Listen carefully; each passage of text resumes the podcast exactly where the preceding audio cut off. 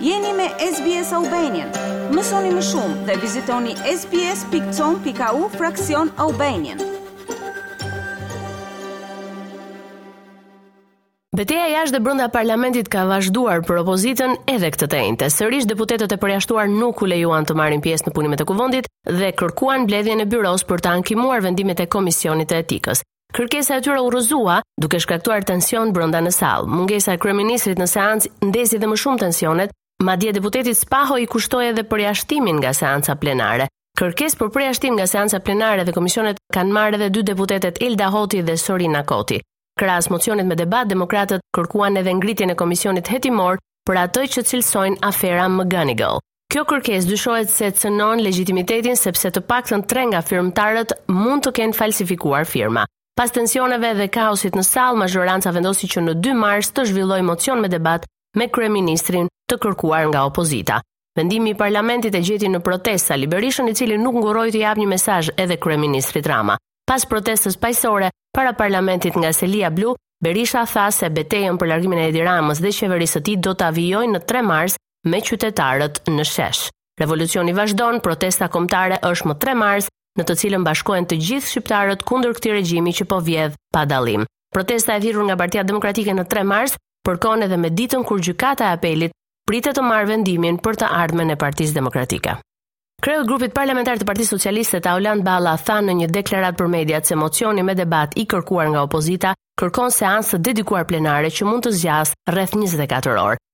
Ai u shpreh se më datë dy mars kryeministri do të jetë i pranishëm dhe të gjithë deputetët mirëpriten në Kuvend për debatin sa i takon çështjes McGonigal. Së pari,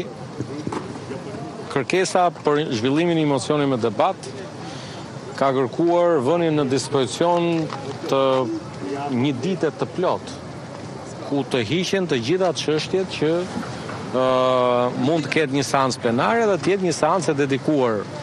e cila po të bëjmë një përllogaritje të thjesht nëse do flasi çdo deputet kohën maksimale 10 minuta me pak matematikë i bien 1400 minuta dhe me pak matematikë i bien 24 orë më pak se 24 orë. Kështu që në këtë këndvështrim Kuvendi i Shqipërisë Nuk është një fast food, por është një institucion ku natyrshëm që duhet të përgatitet çdo deputet të marri kohën e dobishme për t'u përgatitur dhe duke qenë se kërkesa për zhvillimin e mocionit ka pasur si kusht edhe pse nuk shkruhet gjëkundi në rregulloren e kuvendit apo në librat e tjerë, edhe prezencën e kryeministrit, atëherë në komunikim edhe me zyrën e kryeministrit, Është marrë konfirmimi, për shkak edhe të agjendës ndërkombëtare të kryeministrit, që në datën 2 mars, dhe në fakt të them të drejtën përpara zhvillimit të seancës,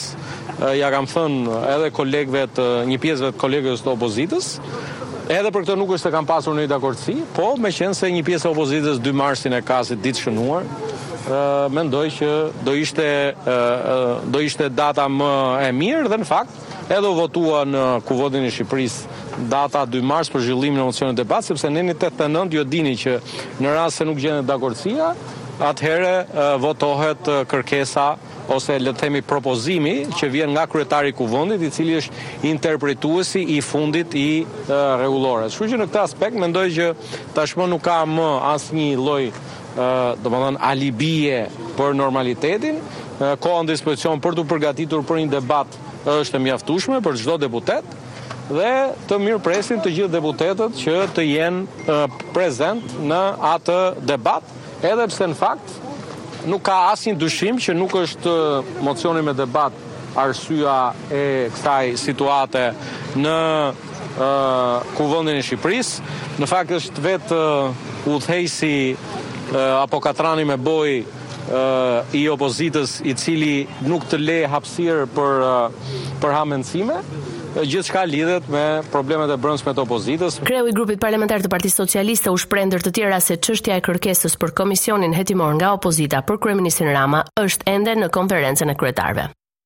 Me rastin e pesëmbëdhjetë vjetorit të pavarësisë së Kosovës, presidenti i Shqipërisë Bajram Begaj ndodhet pikërisht në Prishtinë, ku ka takuar presidenten Vjosa Osmani dhe e ka uruar për këtë pesëmbëdhjetë vjetor që thotë se janë pak për një komb të lashtë. Kreu i shtetit theksoi mbështetjen e palëkundur të Shqipërisë dhe autoritetet dhe institucionet e Kosovës në adresimin e provokimeve dhe sfidave me të cilat po përballen si në kuadër të negociatave me Serbinë, ashtu edhe në kuadër të procesit të njohjes dhe anëtarësimit në organizatat ndërkombëtare dhe ato rajonale. ndërsa presidentja Osmani e ka cilësuar të nevojshme që Shqipëria të jetë zëri i Kosovës në institucionet ku Kosova nuk ka përfaqësim. Kjo është vizita e dytë e presidentit Begaj, i cili e zhvillon në një kohë të shkurtër kohore këtë në Kosovë. Ndërsa në takimin me kryeministrin Albin Kurti, presidenti shqiptar vlerësoi domosdoshmërinë e vijimit të këtij dialogu dhe e siguroi se Shqipëria do të jetë krah Kosovës në të gjitha sfidat për të zënë vendin që meriton në Organizatën e Kombeve të Bashkuara por dhe në organizatat e tjera ndërkombëtare. Kjo është vizita e dytë që Begaj zhvillon brenda një kohe të shkurtër kohore në Kosovë, që pas marrjes së detyrës si president i Shqipërisë.